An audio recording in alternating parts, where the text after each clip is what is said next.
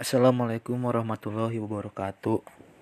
Nama saya Muhammad Faris Gustianto. NIM saya 2006-293 Saya berasal di Prodi Kepelatihan Fisik Olahraga kelas B.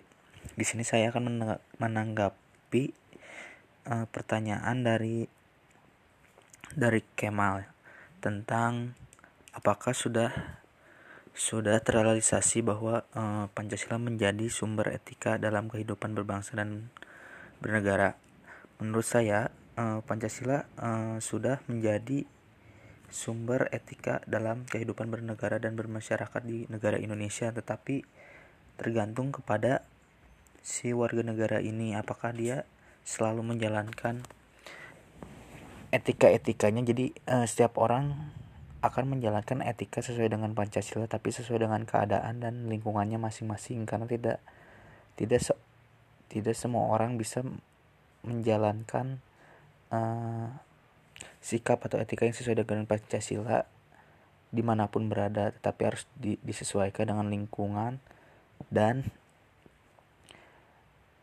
uh, lingkungan dan keadaan sekitar. Jadi ada dan juga tergantung dengan pemahaman tentang Pancasila itu sendiri.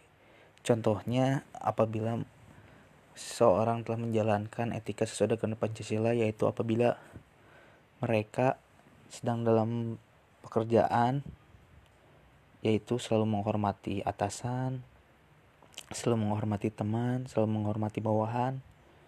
Apabila di dalam perjalanan atau atau sedang menuju perjalanan selalu bersapa dan bersenyum kepada semua orang. Mungkin itu saja yang bisa saya sampaikan.